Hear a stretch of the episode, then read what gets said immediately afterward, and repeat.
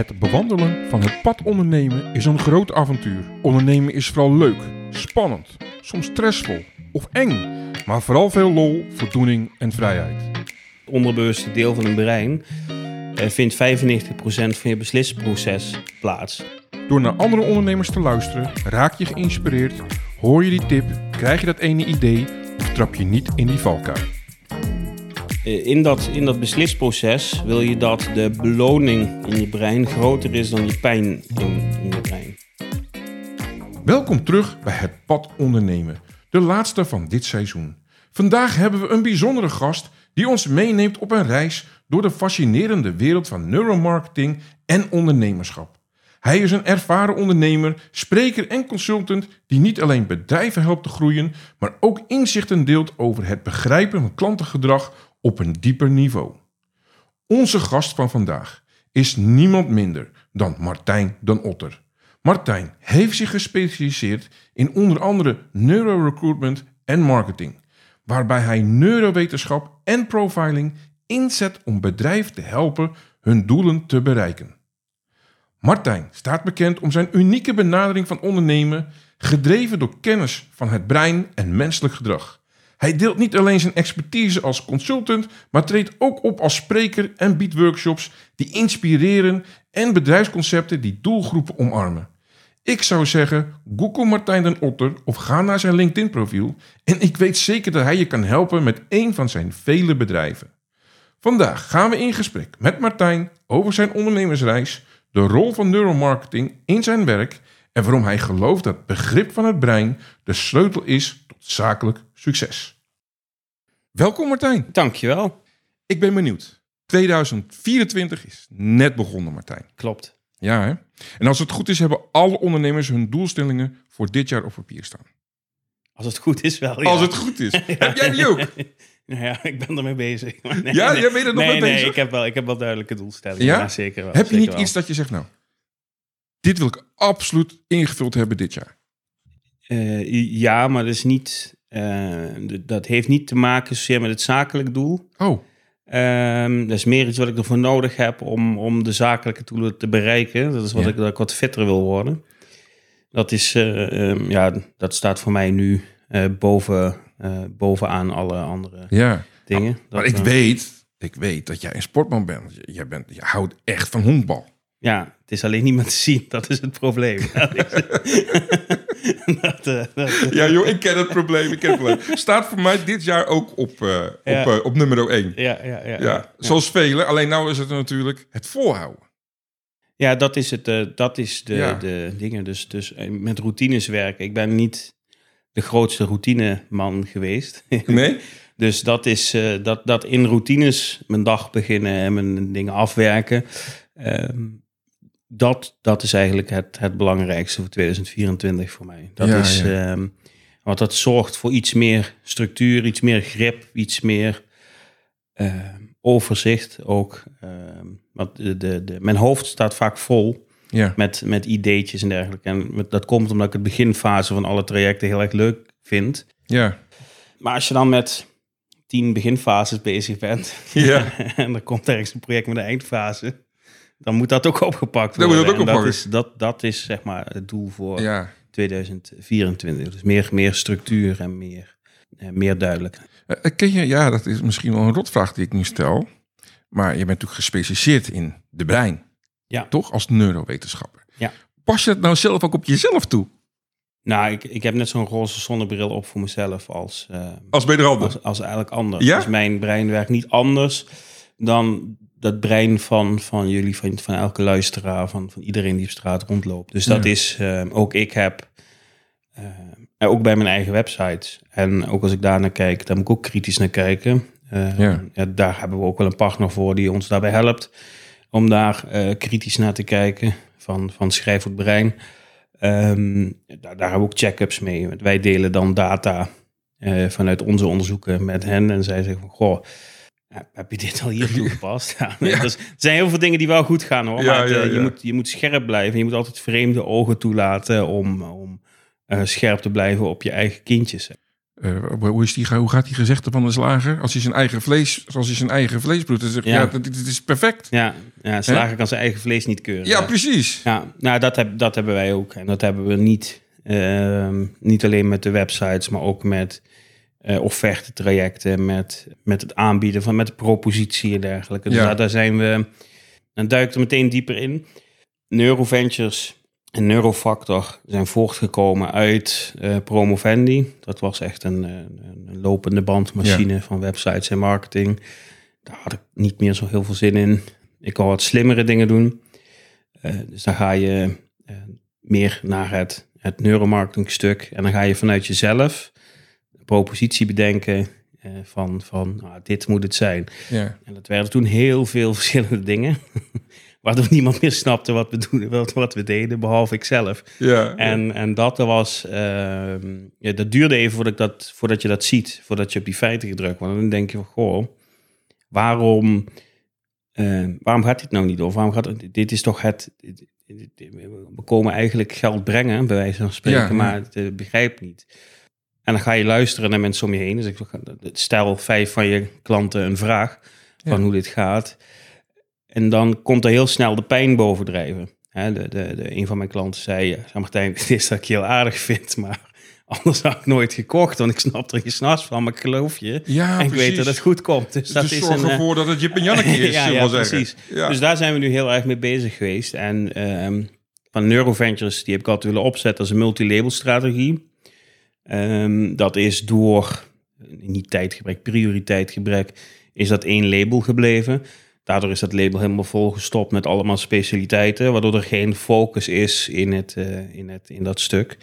En dat is wat 2024 willen we die labels juist gaan eh, scheiden. Dus dan heb je een neurofactor voor eh, de neuromarketing propositie.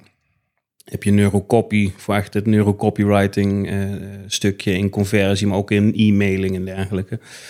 Eh, daar komt breinfactor nog bij voor het echte consultancy stuk, dus het echte gedragsverandering. Dus dat is niet, eh, dat hoeft niet per se commercieel in een commerciële omgeving te zijn, maar ook bijvoorbeeld voor overheid van goh, wat is nou, wat is nou wenselijk gedrag in publieke ruimte? Dus Ja, ja, ja, ja, kunnen we dat sturen?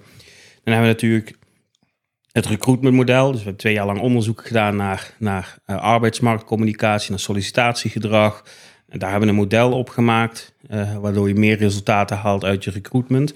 En meer resultaten is zo simpel als eh, veel betere sollicitanten en een veel mindere FTE-belasting op je recruiters. Dus je krijgt Nou, daar wil, ik, daar wil ik zo nog wel eens een keer op terugkomen. Want dat is natuurlijk best wel op- in deze, in deze arbeidsmarkt natuurlijk een heel groot vraagstuk. Ja. Hè, onder de, maar je gaat inderdaad gelijk de diepte in. Ja. ja. daar kan ik uren naar luisteren. Ja, Allemaal ik- heel ik interessant. kan er ook uren over praten. Ja, ja dat, dat snap ik. Dat snap ik. We zullen hem iets gerichter houden. Ja. Maar laten we eerst eens beginnen. Wie is Martijn de Notter, de neurowetenschapper? Ja, Martijn was vroeger inderdaad eh, sportman tot ik mezelf blesseerde. Dus ik wou helemaal niet worden wat ik nu ben. Vroeger ik wou eh, een coach worden, honkbalcoach en het liefst eh, in Amerika. Oh In een ja. college team, dat leek mij fantastisch. En eh, Ja.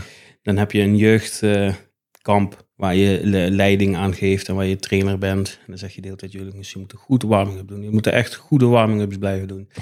en dan heb je een demonstratie aan het eind van het toernooi waar je zelf geen warming-up doet. En wij het grootste voorbeeld voor die kinderen dat ze konden hebben. Dus toen scheurde mijn hamstring, was einde honkbal.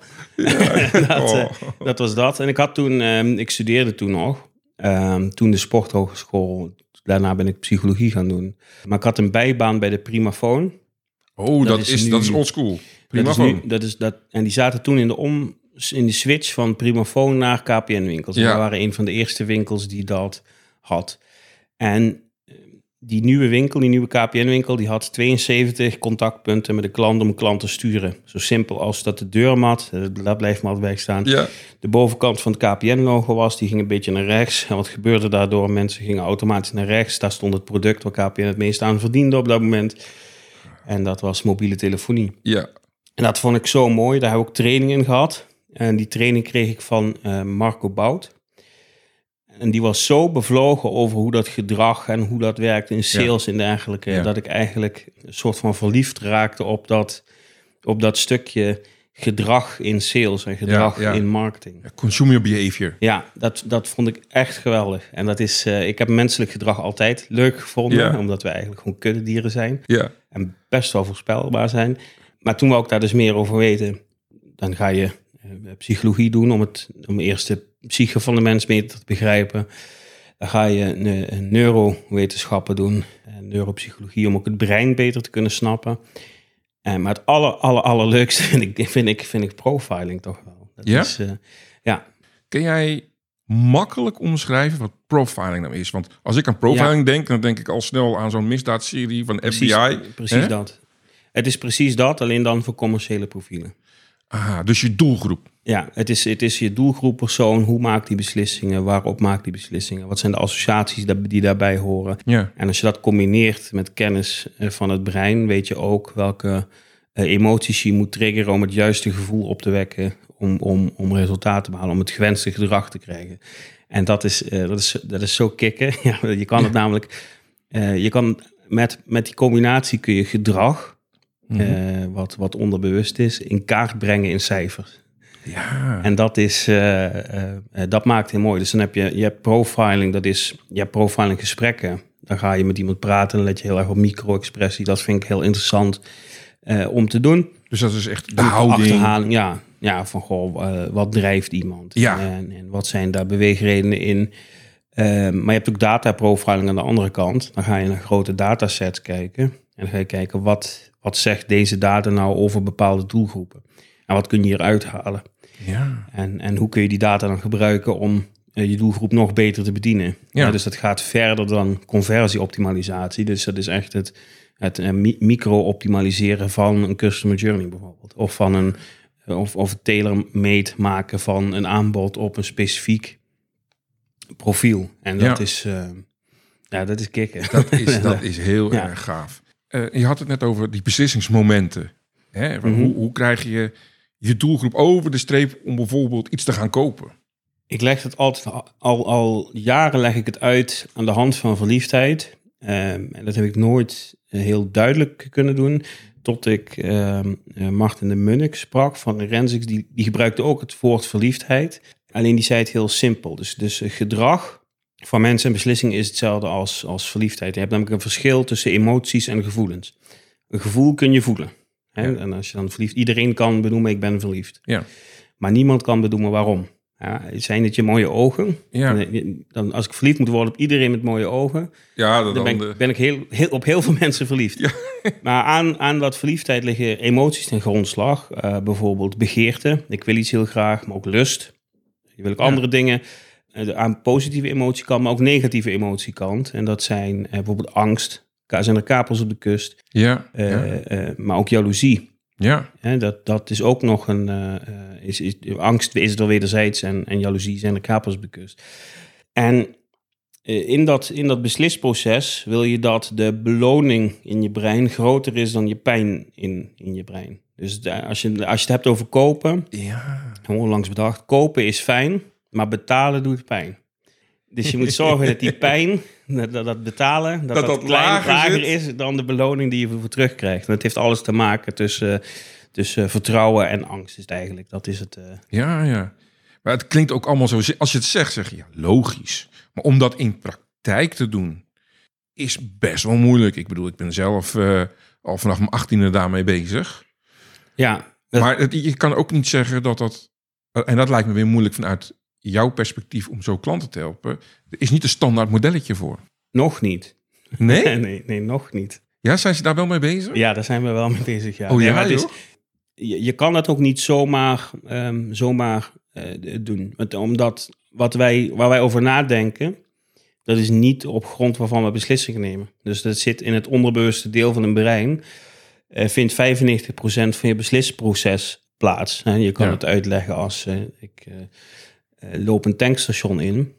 Eh, in dat tankstation zie ik Coca-Cola staan. Ik herken Coca-Cola.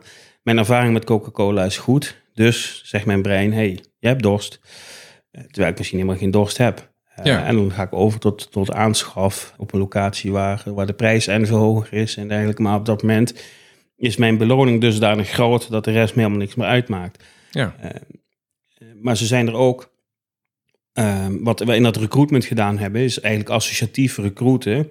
Is afhankelijk van wie jij bent als persoon. Dus we hebben een matrix gemaakt van, van eh, student, starter, eh, doorstromer, senior, een MBO, HBO, WO. Eh, en dan krijg je een matrix. Welke associaties passen op elk kruispunt van die matrix? En welke associaties zijn ook negatief? Want we kunnen best wel denken, een, een heel actueel voorbeeld is bijvoorbeeld inclusiviteit voor bepaalde vakgebieden. Heel veel vakgebieden willen inclusief zijn. Ja, het maar is het woord nu op dit ja, moment. maar op het moment dat je het noemt in je vacature is iedereen weg. Ja, maar dat is eigenlijk En- gek, terwijl iedereen erover praat. Ja, en, en dat, is, eh, dat is niet voor alle vakgebieden zo, maar voor bepaalde vakgebieden wel. Dus als je dat weglaat, dan, dan zul je al zien dat de vacature beter scoort. Net hetzelfde als met werkdruk in de zorg. Je kan wel zeggen, eh, bij ons is de werkdruk veel lager dan bijvoorbeeld bij zorginstelling X. Eh, en, maar op het moment dat je dat woord werkdruk noemt, Ja, dan- dan, gaat er dan- in, in je onderbewuste zo'n ding van, oh, werkdruk, dit is niet fijn. Ik ga niet de zorg een ander woord zeggen, maar dat mag natuurlijk kan Nee. natuurlijk- is niet fijn, dus dat gaan we niet doen. En dat zijn, dat zijn van die dingen die je niet alleen in recruitment kan toepassen, maar ook in sales eh, kan toepassen. Dus wie is jouw profiel? Wat zijn de associaties die daarbij Ja. horen? Net als weest, je krijgt ehm, in vacatureland, maar ook in offerteland, bijvoorbeeld eh, eh, een, een, een sollicitanten die eh, niet binnen het profiel passen. Dan ga Ja. je kijken, zit daar overlap in associaties in? Als daar overlap in zit, haal je die associaties eruit.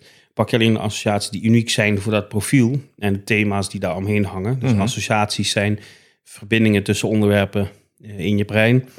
Het, het, het kan bijvoorbeeld gras is groen. Ja. Hè, maar aan groen hangt ook, hangen ook weer een hele hoop andere associaties. Dus dat zijn de, de opeenvolgende associaties en indirecte associaties. Ja.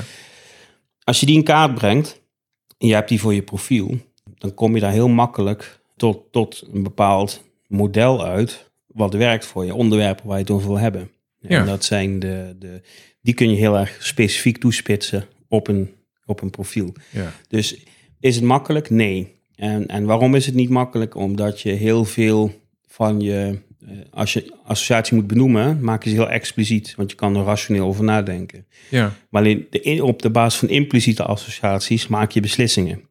Dat, maar dat kun je testen. Dat is niet, dat is geen wereldschokkende Nee, test maar of dat zo. is- Maar je moet er bewust van zijn. Ja, En, en- precies. Dan gaat er gaat heel veel aan vooraf. Ja. Want als jij zegt, als jij een vacature tekst leest en je zegt, ja, dat woord, dat woord, dat woord, dat woord zou ik niet gebruiken.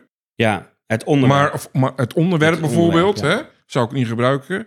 Maar voordat je daar bent, heb je natuurlijk al een heel onderzoek moeten doen om dat te kunnen benoemen. Ja, en dat is dus de, eh, dat is het mooie. eh, want niet iedereen heeft toegang tot die onderzoeken. En Nee. niet iedereen, eh, eh, eh, zeker in MKB-land niet, zijn die onderzoeken zomaar eh, toegankelijk. Of in ieder geval eh, ja, budgetair verant- verantwoordbaar. Nee, ja, ja. Dus, dus wat willen wij nu? Wij willen die onderzoeken doen, want wij vinden die onderzoeken ook nog eens leuk om te doen. En eh, we willen dat model aan MKB geven, zodat ze daar gebruik van kunnen maken. Ja, En eh, niet alleen MKB, iedereen mag. eh, ja natuurlijk. mag Maar ik kan me voorstellen dat MKB daar nu wel Ja, echt op loopt te wachten. Dat is, dat is ook onze hypothese. Dus dat is, Ja, ja, ja. ja. Nou, nog maar hopen dat maar het is, gebeurt. nou, dat gaat gewoon gebeuren. Ja, maar het is, het is en dan heb je ook weer nieuwe, eh, nieuwe ontwikkelingen die het ook weer toegankelijker maken. Hè? De komst van AI in eh, neuroscience. Ja, want dat, daar heb ik inderdaad ook een vraag over. Want hoe zie jij AI binnen de neurowetenschap, maar ook toegespitst op ondernemerschap? In, in, in neurowetenschap, dit is, er, is, er zijn behoorlijk wat AI-modellen in neurowetenschap, die nu aan behoorlijk wat zijn er drie, maar dat is voor de huidige tijd best wel wat, die daar eh, gebruik van maken. Die richten zich met name op, op visuals van hoe eh, ontvangt het brein iets, hoe kijkt Mhm. het brein naar iets, wat is de aandacht op iets. En, en eh, daarmee wordt dat ook meteen een stuk bereikbaarder voor alle bedrijven, want Ja. de, de, niet ieder bedrijf zal budget willen uitgeven om FNIRS-testen te doen, om EEG-testen te doen. Eh, EEG is nog dan wat, wat het, het minder specifieke, maar een MRI, een fMRI-studie, ja, daar, daar ben je veel langer mee bezig. Dan krijg je wel exact een antwoord. Dus je kan eh, met de resultaten kun je heel exact zeggen, dit is wat er speelt. En dan bedoel je en letterlijk een MRI? Ja, Dus een MRI van je hersenen. Wat gebeurt er als Ja. ik een woord zeg in je hersenen? Zeg ik dat Ja, goed? het is niet. Het is wat. eh, wel- welke emotie roept deze commercial op? Welke emotie roept deze eh, eh, kaart op? Deze, En, en moet ik dat dan zo zien? Je zet eigenlijk gewoon iemand voor een televisie en je laat die commercials voorbij komen en ondertussen... Nee, je, je, gaat in, je? je gaat in een daadwerkelijke buis, in zo'n MRI. Ja, aan- ja, aan de ja, Universiteit van ja. Amsterdam. Ja. Eh, daar krijg je een eye-tracker op. Die wordt gecalibreerd op je ogen. Je Ja. kijkt naar een spiegel en in die spiegel wordt het tv-scherm gezien. En Ja. daar, daar krijg je stimuli te zien.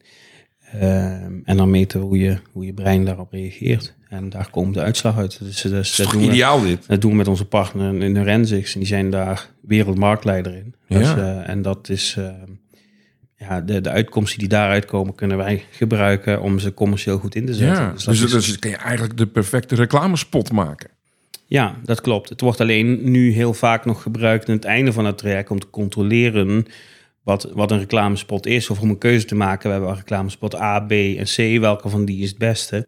Onze voorkeur heeft het juist om dat helemaal in het begin in te zetten. nou ja, dat lijkt mij ook logisch, ja. Zoals we met, dat, eh, met, met, met een van onze concepten te gedaan hebben, met dat kantoor.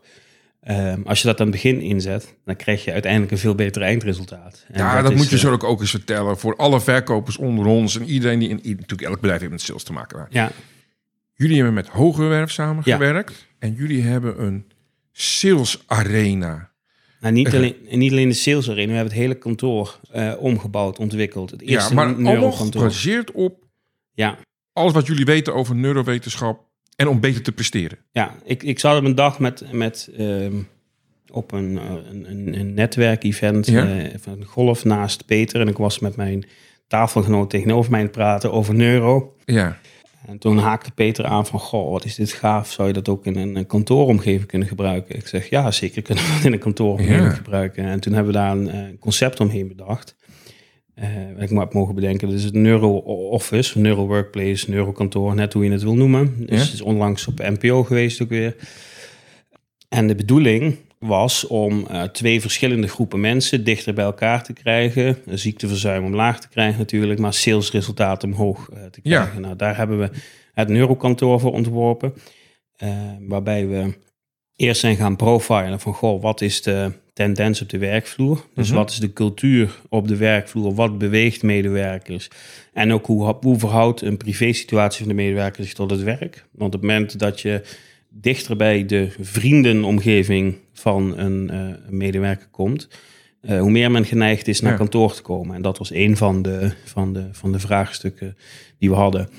Eh, dus dat is, dat is punt 1 geweest. Daarvan hebben we een rapport gemaakt. Toen hebben we een longlist gemaakt van drijfveren voor specifiek die organisatie. ja. Daaruit zijn weer moodboards ontwikkeld. Van goh, dit zijn moodboards die we willen gaan testen. Die moodboards die zijn in de fMRI gegaan onder de populatie. Ja, ja, ja. Daar komen dan emoties uit. En eh, toen hebben we die eh, eh, ruimtes ontwikkeld om de juiste emotie te triggeren bij de juiste taak. Dus we hebben niet wat vindt men per se het fijnst gekeken. In dit moment voor sommige ruimtes wel hoor. Dus kijk, de, de grootste ruimte, de horeca-ruimte, wat eigenlijk een soort ontmoetcentrum is, Ja, en een precies. meetingcentrum. Eh, eh, daar wil je gewoon heel erg op je gemak voelen. Dat moet Ja, voelen als een, als een kantine en een, en een, en een dekker. Er moet wel gewerkt worden. Ja, Maar, de, maar de, de cognitieve druk op dat werk moet zo laag mogelijk liggen. Ehm, terwijl de sales arena waar je het over hebt, Ja. een ontzettend gave ja, eh, ja ik zie dat ruimte. helemaal voor me. Dat is, dat is een ruimte. En toen die ging bedenken, ik, daar moet ik Hogewerf nageven. De, de architect heeft zich helemaal geschikt achter het concept. Dus Ja, en ja, dat, is, ja, ja, dat ja. is zo gaaf. Ja, dat Want daardoor is de ruimte precies geworden van hoe we het van tevoren bedacht hadden. En dat is, er is geen, er is geen geen concessie gedaan. Precies. En dat is, dat is zo ontzettend gaaf. Dat moet je ook durven. Dat moet Mhm. de uiteindelijke klant van Hogewerf durven. Maar dat moet Peter Hogewerf zelf als ondernemer ook, durven. Ja. En dat is wel gelukt. Kijk, het idee was om in een salesomgeving een beetje stress toe te voegen.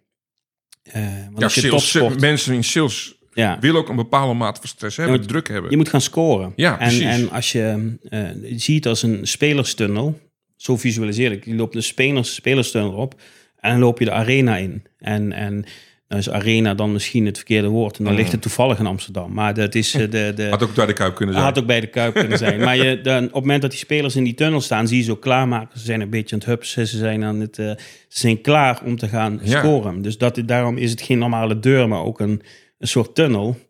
eh, in, een, eh, eh, in, een, in, in een soort S-vorm. Die, die, waar je je target ziet, waar je, waar je klaargemaakt wordt om die ruimte uit te gaan. Dus het Ja. frame wordt gezet. Ja. En je wordt geprimed om te gaan scoren. Dan kom je binnen.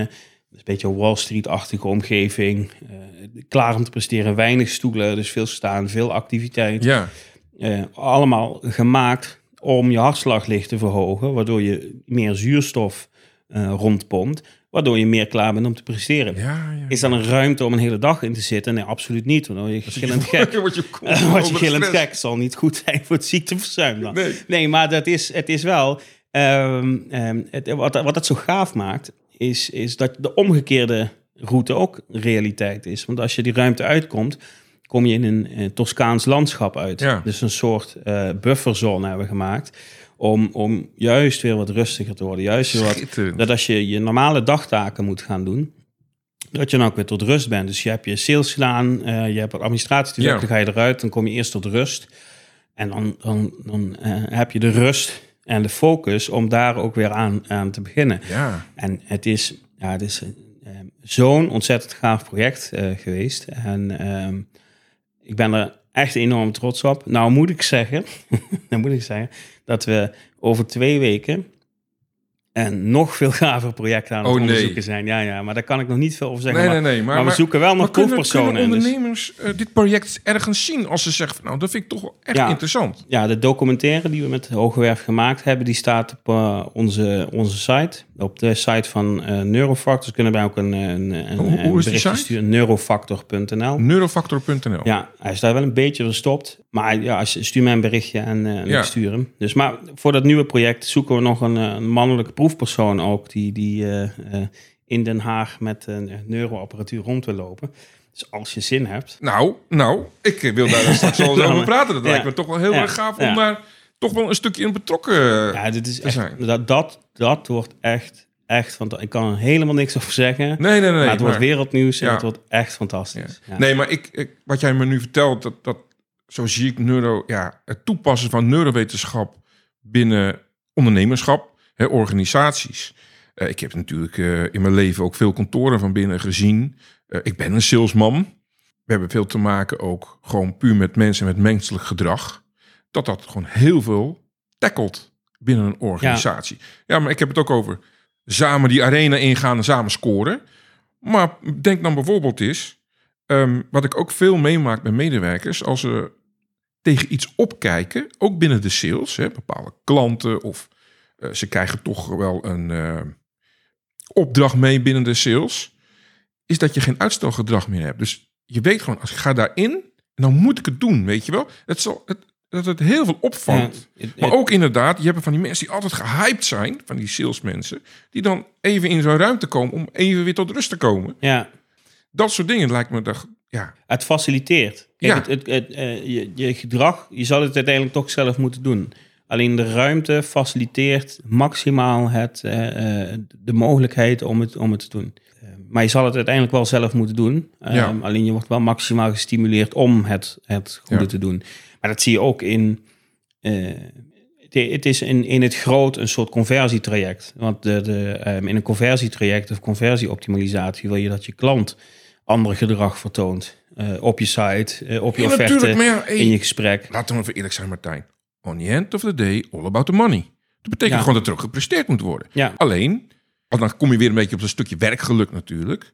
Eh, je wil goed presteren, maar zonder dat je, af, dat je afbrandt. Zullen we maar even zeggen. Dat je relaxed blijft. Hè? Dat je ook je dingen naast je werk kan doen. En dan helpt dit natuurlijk bij. En wat ik het mooie hieraan vind, is dat elke ruimte apart is ingericht op het doel wat het heeft. ja. Want wat je heel vaak hebt, als je bij organisaties komt, dan is bijvoorbeeld alles groen en rustig.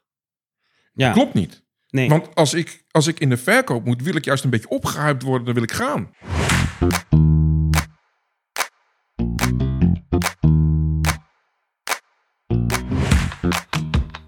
Break rubriek. Random Q&A en ondernemerschap. even wat anders en dan gaan we weer verder met onze gast.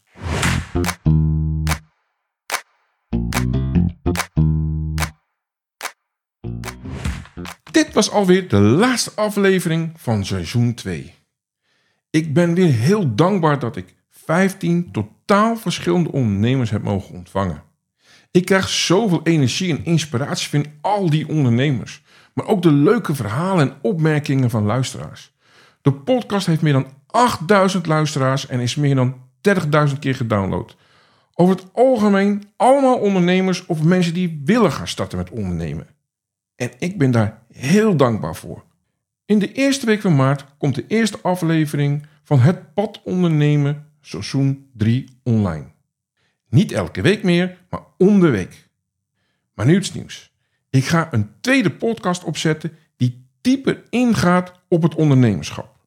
Ik kreeg dat ook veel te horen van luisteraars. Van ja, ik vind het echt heel leuk, al die verhalen. Maar soms zou ik ook toch wel wat meer de diepte in willen gaan. Nou, en dat ga ik doen. En de podcast gaat heten Grip op je onderneming is rust in je hoofd. Want dat is namelijk zo. Als je controle en grip krijgt op je onderneming, ben je als ondernemer, word je dan ook veel rustiger en relaxter en dus rust in je hoofd. Dus grip op je onderneming is rust in je hoofd. De podcast die je meeneemt in de dynamische wereld van het ondernemerschap. Ik en nieuwkomer in de podcastwereld, Renato Ars, financieel strateeg van Cashflows, nodigen elke aflevering een inspirerende ondernemer of specialist uit om te praten over ondernemerschap. Deze podcast verkent de verschillende levens- en groeifases van een bedrijf, waarbij elke aflevering zich richt op de unieke uitdagingen, groeipijnen, pieken en dalen die ondernemers ervaren. We ontdekken dan hoe ze omgaan met cruciale momenten, van opstartfases tot uitbreidingsstrategieën. En hoe ze de balans vinden tussen zakelijk succes en persoonlijke rust. Grip op je onderneming is rust in je hoofd, biedt praktische adviezen, diepgaande inzichten en echte verhalen die je zullen inspireren, informeren en motiveren. Ben je een ondernemer en heb je een MKB-bedrijf en heb je interesse in bepaalde onderwerpen wat te maken heeft met ondernemerschap of je hebt een probleem die je graag wilt bespreken, stuur me dan een DM en dan neem ik heel graag contact met je op. Wellicht kunnen we het bespreken in de podcast of kom je meepraten in de podcast. Dat is natuurlijk helemaal gaaf. De eerste aflevering komt eind februari online. Dus hou me socials in de gaten. Nou, st- sterker nog, de boardrooms zijn anders ingekleed dan de kleine meetingruimtes. En als je uit een boardroom komt waar, waar ook trainingen ingegeven worden. Elke boardroom, als je eruit komt, loop je tegen een scherm aan. Ja, Waar je weer ge, geprimed wordt om jezelf goed te voeden na zo'n meeting. Dus dat is, eh, d- er is echt over alles hebben we nagedacht. Maar ook niet alleen de ruimtes aan zich. Maar ook waar komen die ruimtes in het pand te liggen? Wat zijn de viewpoints naar buiten toe? Ja. Eh, want het is een glas, eh, gla- glazen omgeving. Eh, waar kijk ik naar als ik naar buiten ga? En Ja. eh, daar, overal is daar rekening mee gehouden. Van, van eh, zit je in zo'n arena? Oké, als ik dan uit het raam kijk, kijk ik dan op het park uit of kijk ik dan op, eh, op de. Zuidas uit? ja. En waar het economisch centrum zit. Ja, dat, ja. Daar dat is allemaal rekening mee gehouden. En dat is, ja, dat zijn, dat zijn eh, net zoals in de horeca van, goh, in, de- in dit deel van het pand zit een hoger plafond. ja. eh, waardoor dit beter tot zijn recht komt. Waardoor dit, dus er is, Ja, echt. er zit zoveel denkwerk in. Ja, niet, precies. niet alleen Heel van mij hoor. Dus dat is dat ik, ik kan het, het, het concept heb ik dan, dan mogen bedenken, maar ik kan het niet ontwerpen. Dus dat is, eh, maar het is, ja, Ik ik vind het heel fascinerend. Ik wil het ook echt een keer in het echt zien. Dus ik kom een keer bij je langs, bij jullie langs. Vind ik wel heel erg mooi, dit. En ik denk ook echt dat er, ehm, dat er organisaties zijn die hier wat eh, mee kunnen en moeten eigenlijk doen. absoluut. Want we praten allemaal over... Hè, het is al moeilijk om mensen te vinden. Nou, daar help jij ook bij. ja, Eh, allemaal het recruitment, want daar, zit, daar kun je natuurlijk ook neurowetenschap op toepassen. Zoals je Ja. al uitlegde. Maar dan heb je die mensen eenmaal binnen. Dan wil je ze ook graag binnenhouden.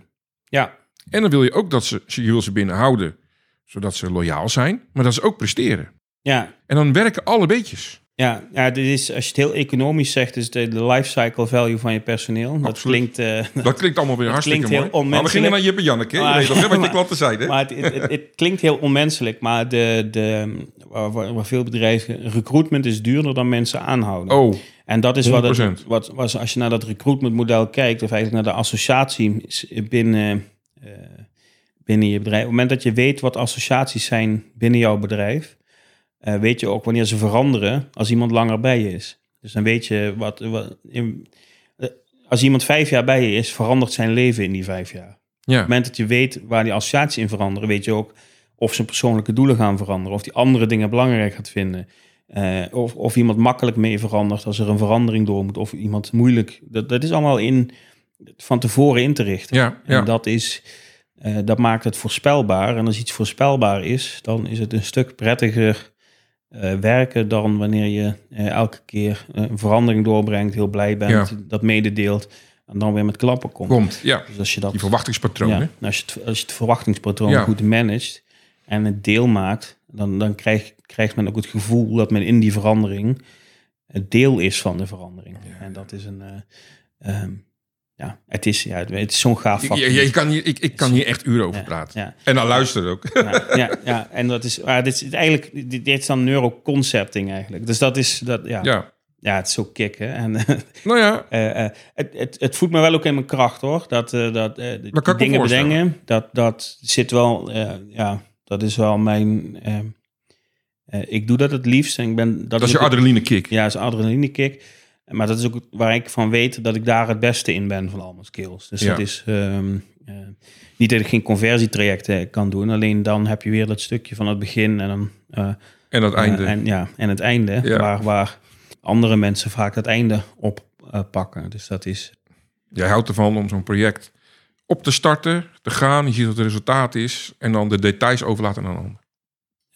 ja, en, en de uitvoering. En dat is. Ja. en soms, ehm, dat is. Dat is je vroeg aan het begin, wat is een val die je nog niet, eh, die je niet meer zal maken? Ik denk niet dat ik ze heb die ik niet meer zal maken. Ik denk dat ik keer op keer wel in de val blijf lopen. Maar eh, Hou die vast, zou ik zeggen. Die mag je Ja. straks vertellen. ja, ja, dan ga ik die vasthouden. Ja, ja, ja, Maar precies. Ja, het heeft hier wel mee te maken. Ja, dat geloof ik. Ja, dat geloof ik. Maar eh, ik, als het over uitdagingen, welke uitdagingen ben je tegengekomen bij het eh, imple- implementeren van neurowetenschappelijke principes in zakelijke strategieën? Eh, ethi- ethiek is altijd een ding. Ja, natuurlijk. Eh, ja, want je wil van alles, maar je hebt ook met ethiek te maken. Ja, dus de, de.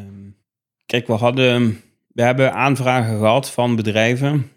met heel veel wensen en een, Mhm. een bijna onbeperkte eh, cash. die we niet hebben gedaan, omdat ethisch gewoon niet, niet te verantwoorden was. Niet te verantwoorden. Nee. Nee. je dat toch eh, iets, Ja, ja onze, een sluier? eh, Nou, onze, ehm, wij doen niks waar mensen heel erg verslaafd aan kunnen raken. Of niks ehm, eh, waar mensen nadelige gevolgen van kunnen hebben op het moment Ja. dat ze beslissingen nemen. hè, dus ze vragen Gokken iets om... bijvoorbeeld. Ja, ze vragen iets om te presteren, maar... Ja, gokken, roken, dat zijn dingen. ehm, kijk, Ja. in, in theorie eh, kan ik casino vloer zo inrichten dat men nog meer uitgeeft. Maar dat doen Ja. casino's dat al wel heel veel. Ja, ja, natuurlijk. Maar in games, ik had het er straks over.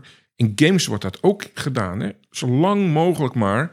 Ja, De, de, natuurlijk onze jeugd, maar überhaupt iedereen die gamet. Maar aan, die, aan je gameconsole te laten houden. ja. En vroeger kocht je een game en dat was het. En nu heb je allemaal DLC's. Om, eh, Ja, precies. Allemaal trofeeën. ja, en, pay to win is dat, ja. ja. maar Ja. ik weet dat, dat, eh, dat, eh, dat al die eh, gameproducenten ook daar echt gewoon mensen op aannemen om Ja, gewoon puur op psychologie van de mens, om Nou, verslaafd te maken. Er, bestaat een, eh, in, in, in gamewereld, in, bij grote online games, bestaan er eh, functies die in-game economy beheersen. Mm. Dus dan, dan, dan is jouw taak om de in-game economie zo te maken dat de economie groeit. Ja, precies. En dat is, eh, maar je had het vroeger ook al al hoor. Kijk, de, het is een natuurlijk proces. Als ik dan heel lang terug ga, als ik het over games mag hebben, heel kort. Ja, en ik ben natuurlijk. gewoon een nerd. En ik- heb vroeger World of Warcraft gespeeld. En Ja, als je op een nieuwe, een nieuwe server zit, is alles goedkoop. En naarmate er meer mensen op die server komen, groeit daar de economie ook. Dus alles wordt duurder. Ja. En alle basisgrondstoffen worden veel duurder om aan te kopen. Dus dan krijg je eh, de lage level spelers die eh, in World of Warcraft dan bijvoorbeeld gaan harvesten. eh, dieren gaan Oogsten, schieten, ja. oogsten om vellen te krijgen, om die dan in de dingen te verkopen. En de, de rijke spelers worden dan steeds beter. Dus het is een hele mooie afspiegeling. Games hebben een hele mooie afspiegeling van hoe het in werkt. En In werkelijkheid gaat, in de maatschappij werkelijkheid gaat. ook gaat. Dus dat is ehm, qua, qua economie is het niet onnatuurlijk gedrag en is het ook niet iets wat je ja, kan voorkomen, ook als je naar eh, metaverse-achtige projecten kijkt, waar, waar ook een hele grote toekomst ligt. Ook daar heb je economie en ook die moet je beheersen. En, en ook daar zullen winnaars en verliezers zijn. En die, zijn, Ja. die heb je in alles. Alleen wil je meewerken aan een onacceptabel verlies. Dat is een. eh, eh, eh, Ja, Ja. Is dit een acceptabel verlies? Of een- kijk, als iemand wel overwogen een beslissing maakt om iets te doen, dan is het ethisch verantwoord om een euro toe te passen. ja, Het is meer het helpen. En als iemand een, een product of een dienst zoekt en als ze het niet bij jou kopen, kopen ze het toch bij een ander, dan is dat daarin al, al te rechtvaardigen, mits je de juiste methodes gebruikt. Ehm, dus dat is dat, dat moet je Ja. in het oog ja. houden. Nou, ik vind, ik vind het mooi hoor, want je kan inderdaad... Ja, ik probeer het allemaal even zo even heel snel uit te leggen. Je kan voor het grote geld gaan. Heel makkelijk. Hè? Ja, Eh, iemand verslaafd maken. Je, je- waarschijnlijk kunnen jullie daar van alles op toepassen. Alles Ja. wat jullie nu ook gebruiken, kun je daar ook voor toepassen. ja. Maar je jullie kiezen er echt, echt bewust voor. Dat doen we niet. Punt. Ja, maar je, kan, je hebt verslaafd en je hebt communities. Dus het, is de, de, je hebt fans Ja. en, en, en je hebt... ehm, zodat men blijft kopen bij je. En dat is, eh, dat is ook een vorm van, eh, eh, van verslaving. Kijk maar naar OnlyFans. Hè? Ook Ja, een vorm van verslaving. Ja, ja. Maar Coolblue, Coolblue bijvoorbeeld. ja. Dus er zijn, de- ik ben zelf heel erg fan van Coolblue. Mhm. En ook als een product duurder is bij Coolblue dan bij eh eh, Mediamarkt, koop ik bij Coolblue. Waarom? Omdat ik dat gewoon fijn vind. Ja, ja. En, en naast dat je het fijn vindt, dat je gewoon weet, het komt altijd aan. Ja, het dat, is netjes. het zal bij Mediamarkt niet anders zijn. Alleen de perceptie is er Ja. dat het daar beter is. Ja. En dat is Misschien heeft het met blauwe rook te maken. Kan misschien ook gun, nog. gun van, ja, kan allemaal. Dus dat, is een, eh, dat zijn die mooie, mooie dingen waar ik ook gewoon mens in ben. En waar, ik, Ja, waar rationeel eigenlijk heel onlogisch is. Want ja, eh, ja, soms ben je enkele tientjes meer kwijt ja. voor een product. Maar toch doen we het. toch doen we het. Hè? Ja, Toch ja, dat is die is loyaliteit die ze dan eh, graag Ja. willen. Ja, en, en loyaliteit, daar kun je wel met neuro. Ja, ja. En wat zie je als de toekomst van neuromarketing en hoe zal het de ondernemerswereld beïnvloeden? AI, denk ik. Dat Toch wel is- AI, ja? Ja, absoluut. Elke keer komt dat ook. Elke keer als ik weer met een ondernemer een podcast opneem. Ja, het is niet leuk om te horen voor, voor, voor heel veel partijen. Eh, maar het, het is opkomend, dus dan kun je twee dingen doen. Je kan je er tegen verzetten, of je kan kijken hoe kan ik dit toepassen in mijn dagelijkse Ja, gang van ja. werk. En, en dan heb ik het over breder dan eh, de chat GPT. Ja, ja, ja, dat is eh, ook wel een welkome toevoeging. Maakt heel veel van je werk makkelijker en sneller. Mits je wel ook weet wat je moet vragen. En mits je ook weet hoe je het antwoord moet lezen. ja, ja, precies. Dat is ook dat niet iedereen eh, weggelegd, hè? nee, nee. Dat, is, eh, dat is zeker nog wel eh, een punt. Maar de, de, je moet het gewoon omarmen. En als je dat omarmt, als je het niet omarmt, eh, is in de long run eh, ga je het verliezen. Ja. En dat is een. soms is het kill your darlings. Dus ja, heeft het, heeft het op het neuroonderzoek Ja. effect? Ja, want dat heeft het nu al. Eh, maar de mooie kant van die medaille is dat het voor veel meer mensen toegankelijk wordt. Dus is het niet meer een, eh, of in ieder geval een groot deel van het neuro. Kijk, een MRI zie ik niet snel in een AI gebeuren. Wel, Nou ja, zou in de toekomst mogelijk kunnen zijn. Maar eh, dat, moet, dat moet ik zien. Eh, maar dingen als EEG bijvoorbeeld. moet je even uitleggen wat EEG is. EEG is meetinstrument. eh, Als je het in Jep Janneke uit moet leggen, Ja. is een, eh, je meet daarmee je hersengolven, een elektronische hersengolf. Ja. Dus dat je, dat je eh, de hersengolven kan meten en ook visu- visualiseert. Ja, alleen daar kun je visualiseren. geen, met EEG kun je bijvoorbeeld geen emoties eh, duiden. Je, Ah. kan, je kan alleen... eh, Activiteit.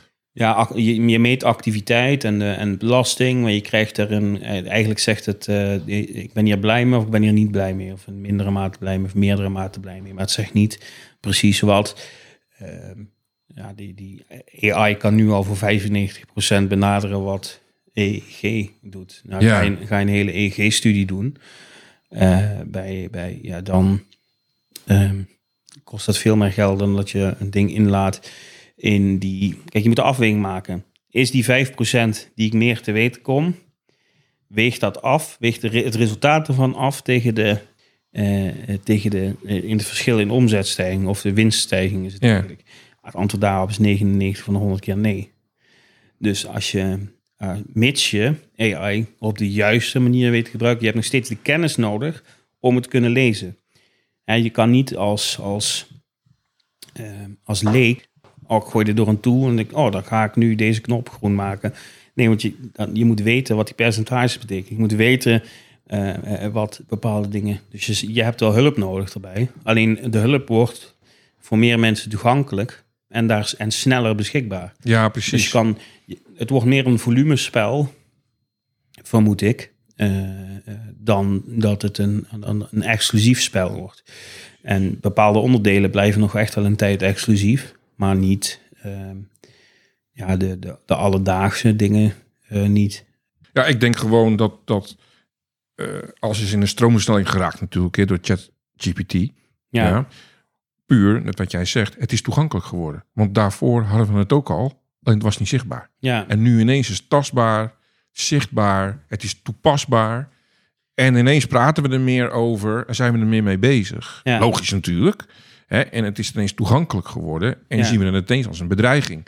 Maar die bedreiging was er natuurlijk al lang. Het is geen. eh, het is Ik zie het ook niet als een bedreiging hoor. Maar En ze- eh, gaan mensen een baan verliezen door AI? Ja, absoluut. Absoluut, absoluut. Maar eh, er komen weer nieuwe banen voor in dat wou ik zeggen, er gaan andere deuren weer open. En dat is, eh, dat is altijd al zo eh, Ja. geweest. Want eh, er, is, er is niemand die nu nog zwaarder maakt eh, voor eh, commercieel gebruik. Nee, joh. dus Hey, dat is... Ik hoorde precies hetzelfde verhaal toen internet kwam. Ik hoorde precies hetzelfde Ja. verhaal dat we de eerste echte PC's thuis hadden staan. ja, Overal Ja. kwamen, er, kwamen eigenlijk al- allemaal, allemaal déjà vu's eigenlijk. ja. Ja, en is, al die ontwikkelingen. het is, kijk, kijk ook wat je er meer mee kan. Kijk, kijk ook eens wat het, ehm, ehm, eh, wat het voor de medische wereld eh, betekent. Ach, maar is ook zo. wij hebben ook een, ehm, een app gemaakt. Klein beetje reclame voor I'm Safe. Ja, ja, want, jij, want ja, jullie doen, doen ja, een wetenschap, maar ook echt in de technologie. Ja, ja dat, dat, eh, dat is niet via- vanuit het neurobedrijf, maar dat is eh, vanuit, vanuit Ruatech. Maar we Ja. hebben daar een app. We hebben daar gedacht, de, we hebben best veel resources halen we uit, eh, uit India. Daar, Mhm. want dat is dan, dan, dan, daar laten ook mensen werken voor, voor, voor tech dingen en dergelijke om, om volume te kunnen Ja. draaien. Dat dingen in de vooral veel. Dus dacht, ja, wat, hoe, kunnen we nou iets doen wat ook goed is, wat niet alleen maar massaproductie is. Daar is ehm I'm Safe uit voortgekomen. Dat is een app dat eh, die huiselijk geweld tegen moet gaan. Voor eigenlijk een, een women's safety app noemen ze het. Maar ah, we zijn nu ook bezig met de organization app, dat je in je bedrijf daar veiliger voelt. Wat het wil zeggen is, als er een noodsituatie is, kun je op je noodknop drukken of je kun je noodsituatie roepen. Net zoals dat je hey Siri roept, roep je noodsituatie. Dan gaat jouw locatie, beeld en geluid naar vijf eh, vooraf ingestelde mensen, jouw trusted circle en, Hmm. en lokale autoriteiten. En het wordt opgeslagen in, eh, in blockchain, zodat het niet, eh, zodat er geen evidence tampering is, zeg maar. Zodat je chain of evidence bewaart voor met name landen waar vrouwen moeite Ja. hebben om naar een rechtbank toe te stappen of Stappen. toegang hebben tot, tot advocaten. Nou, dat zijn van die, van die kleine dingetjes, maar ook je, hoe, vaak eh, worden mannen wel niet door een vriendin gebeld eh, of vriend eh, daarvoor als ze zich onveilig voelen. Ja, Nou, als je dan een knop hebt, dan krijg je allemaal datapunten van waar voelt men onveilig. Dan kun je naar een overheid gaan van, goh, dit is een punt waar men onveilig voelt. Dat zijn van die dingen. Maar wat AI doet in die app, het- er zit ook een community omheen die op basis van, van bepaalde gedragingen huiselijk geweld kan detecteren voordat het naar buiten komt. ja, maar dat is toch mooi? En dat zijn van die, dat zijn van die dingetjes, hoe, hoe AI en hoe nieuwe ontwikkelingen de samenleving kunnen helpen. Precies. Hey, en wordt dit, deze app wordt die al er in bepaalde landen al heel veel toegepast of gebruikt? In- in- Want ik kan me voorstellen. In India wordt die echt al gebruikt. Ja? Eh, grotendeels. eh, we we hebben onlangs... En dan eh, vooral door vrouwen, mag ik dat dan zo zeggen? Ja, ja, hij, Ja? hij is primair daarvoor ontwikkeld. We hebben nu ook een, een site-app gemaakt voor organisaties, voor bedrijven, die, die dan een... eh, Grensoverschrijdend gedrag bijvoorbeeld. ja, ja. Ja, Dus want dat is ook, dat is, laten we eh, eerlijk zijn, dat, dat is ook weer zo'n... Nou, het is een digitale eh, vertrouwenspersoon. Eh, Ja. En maar ja, doordat het een digitale vertrouwenspersoon is, is die unbiased. En Ja. dat is een... eh, ja, dat, dat maakt het ook gewoon mooi. En we willen dat heel graag wereldwijd uitbreiden. Alleen daar is... Oh, daar kunnen we een hele podcast over ja, maken, denk ik. daar, daar, dat is een verhaal voor een andere dag. En, Ja, en, en stapje bij stapje. Want dat is een, dit is een, een product wat, wat dit gaat wel diep. goed... Ja, dit gaat heel diep. Ja, dit gaat diep. Dit gaat heel diep. Maar het is, het is iets wat je, eh, wat je niet moet, kapot moet laten groeien. Nee. Stapje voor stapje, voor laten stapje. groeien. En vertrouwen in het, Ja. eh, ehm, in het proces en belangeloos. Hey, we hebben een niks de oude gezegde en dat gebruik ik ook vaak richting ondernemers, hardlopers en doodlopers. ja. Is gewoon zo. En ik heb het zelf twee keer meegemaakt, dus ik weet ook wat het is. ja, Maar het is gewoon zo. Sommige, heel veel dingen moet je stapje voor stapje laten groeien en niet voorbij hun succes laten groeien. Ja, Want het grootste gevaar voor het bedrijf is vaak succes. Want dan gaan ze allemaal met een kop in de roze wolk. En dan zien ze heel veel dingen niet meer om hem heen gebeuren. Ja. En dan ineens zijn ze ingehaald of stort het als een huizenkaart. ja. Omdat ze geen grip meer hebben. Ja, mooi.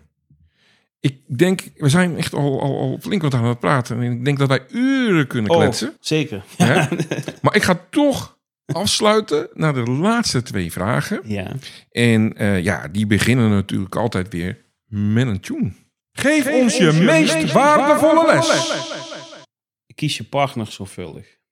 En dan bedoel je dat...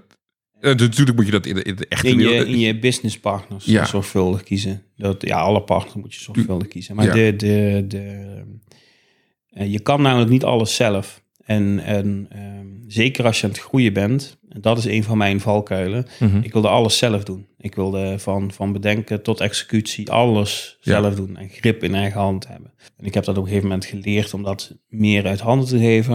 En dan gaat er iets fout. En wat is dan het eerste wat je doet? Alles weer naar je toe trekken. Waardoor het eigenlijk nog meer in de soep loopt. en dat is, In eh, plaats dat je in de overleg gaat, gaat kijken Ja. waar gaat Ja, het dan uit- fout. in die end beperk je dan enorm je capaciteit. En je maakt de, je uiteindelijke klant of gebruiker er niet per se blijer mee als je het allemaal zelf doet. Dus het is, eh, je moet eh, het ver- proces vertrouwen. En eh, net zoals dat ik heel goed ben in de beginfase, heb ik partners nodig die dat eindfase eh, mij, mij kunnen Ja. ondersteunen. Heel herkenbaar. Maar ook de, de administratief en dergelijke. Dat, eh, dat, ik, ik kan een PNL wel lezen, maar de, de rest moet toch echt iemand anders doen. Ja, daar heb je financiële mensen voor, hè? ja, Ja. en dat zijn, de, ehm, dat, dat zijn de meest waardevolle dingen.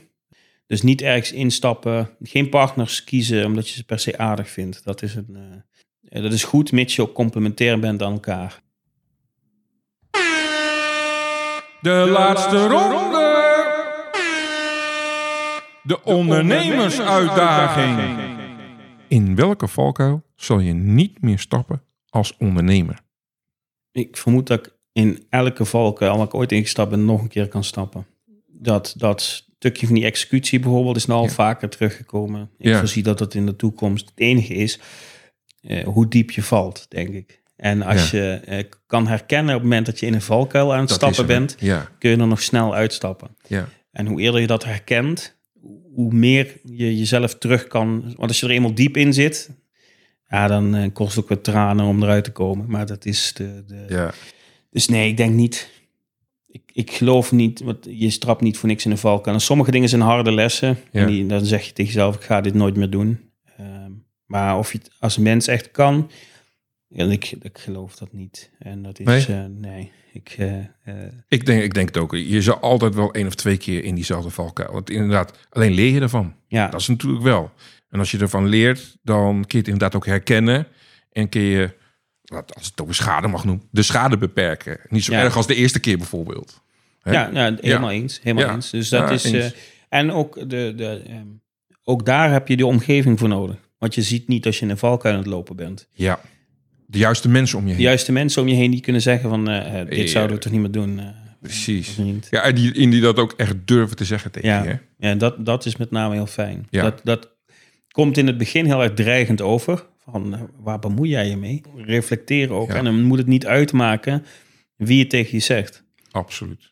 Ehm, kijk, je moet wel advies aannemen van mensen Of je, moet- je moet kritiek alleen maar aannemen van mensen van wie je ook advies zou opvolgen. Dat is wel mijn, mijn raad daarin. Eh, maar als zo iemand iets zegt, dan ga, ja, neem het altijd ter harte. Ja, Review het op zijn minst. Ga er niet blind aan voorbij. dan gaan we daarmee eindigen. Helemaal goed. Ehm, nou, we gaan, eh, zal ik even na de podcast nog even wat paar afspraken maken? Want eh, je hebt natuurlijk wel gezegd, hè, ik wil misschien wel die testpersoon zijn, maar ik wil ook toch wel wat meer weten over die sales arena, weet je wel, Ja. en dat soort dingen. Dus dat is toch wel heel erg mooi. En ik nog een andere vraagje. Ik ga waarschijnlijk in 2024 nog een podcast ernaast maken.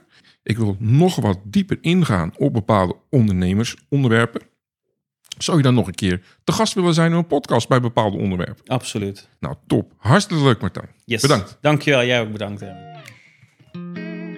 Dit was mijn laatste aflevering van seizoen 2. Seizoen 3 start in maart. Maar hou ook mijn socials in de gaten voor mijn nieuwe podcast. Grip op je onderneming is rust in je hoofd. En lieve luisteraars, bedankt en tot snel. Heb je een uitdaging waar je niet uitkomt? Heb je hulp nodig bij je avontuur als ondernemer? Of ken je iemand anders die hierbij hulp nodig heeft? Wij kunnen je helpen. Ga naar bridgepower.nl en kies contact. Dit kan ook via de social media kanalen. Ik of mijn collega's nemen dan snel contact met je op. Wil je niks missen en alle podcastafleveringen overzichtelijk onder elkaar? Abonneer je dan op deze podcast. Klik in je podcast-app op subscribe of abonneren. En als laatste, je zou me enorm helpen door een review bij mijn podcast te plaatsen. Ga naar de podcast-app waarmee je deze podcast luistert en klik op reviews.